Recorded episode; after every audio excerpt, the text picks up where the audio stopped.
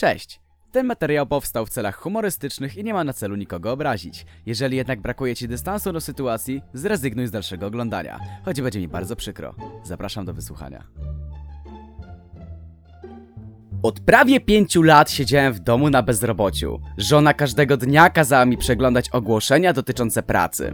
Robiłem to wyjątkowo niechętnie, bo z wykształcenia byłem bezrobotnym. Zawód wykonywany i wyuczony. Przyszedł ten dzień, gdy w końcu musiałem podjąć decyzję dotyczącą stanowiska w mojej nowej pracy. Jak każdego poranka wstałem o 12 i pełen energii na nowy dzień udałem się do kuchni, by zrobić sobie kawę. Moja ulubiona kawa Chibo Exclusive. W końcu z dodatków z Mopsuj 500 Plus i jestem w stanie sobie na to pozwolić. Otworzyłem lodówkę i wyciągnąłem z niej najlepsze rodzaje kiełbasy, jakie tylko dostałem w sklepie i ciemny razowy chlebek. Posmarowałem go masełkiem.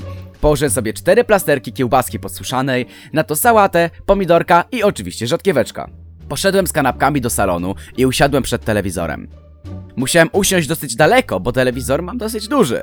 Niestety większego niż 60 cali nie mogłem dostać w sklepie na miejscu, bo musiałby być robiony na zamówienie, a mi zależało na czasie, gdyż miałem niedługo samolot do Hiszpanii na wakacje z żoną i dziećmi. Ale wracając do tematu. Gdy usiadłem w moim skórzanym, wygodnym fotelu i zjadłem moje pyszne kanapki, zacząłem przeglądać ogłoszenia o pracę. Było ich mnóstwo. Od doradcy w call center po ślusarza z doświadczeniem. Moje doświadczenie zdobywane od lat to siedzenie w domu przed telewizorem i pierdzenie w fotel. W końcu bardzo mi się to podoba. Od czasu do czasu jeszcze walki MMA w domu, co oznacza przywrócenie pokory u żony wobec mnie lub zakomunikowanie jej, że zupa była zasłona.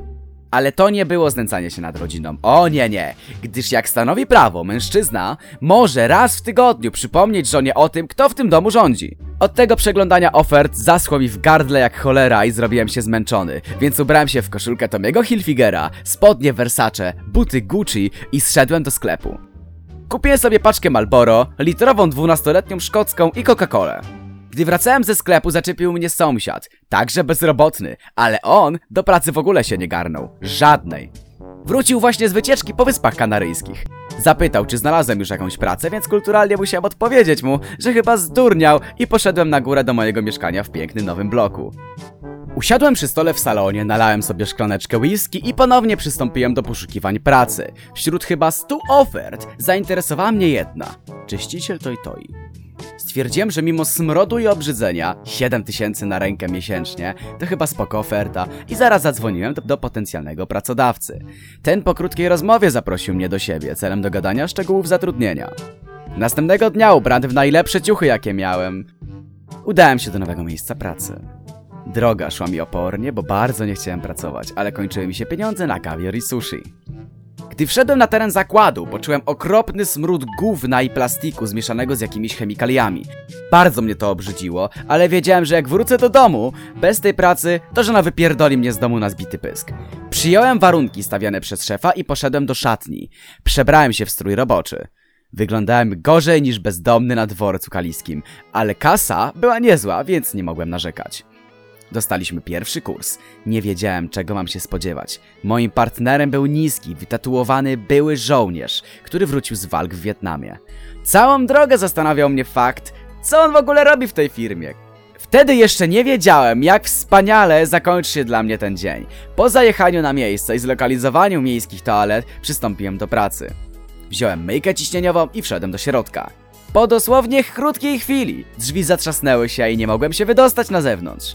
W pewnym momencie Toy Toy zaczął się przychylać, a całe gówno zawarte w zbiorniku wylało się bezpośrednio na mnie. Ja jestem dość brzydliwy, więc pod wpływem koncertu aromatów i smaków pożygałem się w rytm wylewanych fekaliów. Nagle kabina otworzyła się i kątem oka zobaczyłem śmiejącego się partnera ze zmiany. Zajebisty dowcip, nie? Lepsza sytuacja przytrafiła się nam w sklepie. Wraz z żoną zabraliśmy dwa nasze kochane bąbelki do marketu. Gdy, do, gdy dotarliśmy na dział ze słodyczami, moja kochana córeczka Marysia, która ma rap, raptem 6 lat, uznała, że ganianie ze mną po sklepie będzie cudownym pomysłem. Po 10 minutach zabawy uznałem, że wożę ją do wózka na zakupy i zrobimy sobie rajd po sklepie. Wyobraźcie sobie, że ochrona chciała wyrzucić nas ze sklepu, bo podobno rajdy wózkiem z bąbelkiem na pokładzie są zakazane na terenie sklepu. Jakiś cholerny koszmar. Kłóciłem się z ochroną przez prawie 15 minut, ale gdy zaczęli straszyć mnie policją, uznałem, że odpuszczę i po prostu wyszliśmy. W tym kraju w ogóle nie szanuje się klienta, kompletnie nie wiem dlaczego. Kończąc te wywody, powiem wam, że ostatecznie w dalszym ciągu jestem bezrobotny i tak już chyba zostanie. Dlaczego? Po co mam pracować, skoro rząd daje nam tyle pieniędzy, że nie muszę chodzić do pracy, wstawać wcześnie rano i jechać autobusem z bandą pracusiów, którzy są tak zadumani w sobie, że to jakieś nieporozumienie. Mam nadzieję, że dalej będziecie bardzo ciężko pracować, żeby moje dzieci miały co jeść i w czym chodzić. Trzymajcie się cieplutko i nie zaśpijcie do pracy. Powodzonka.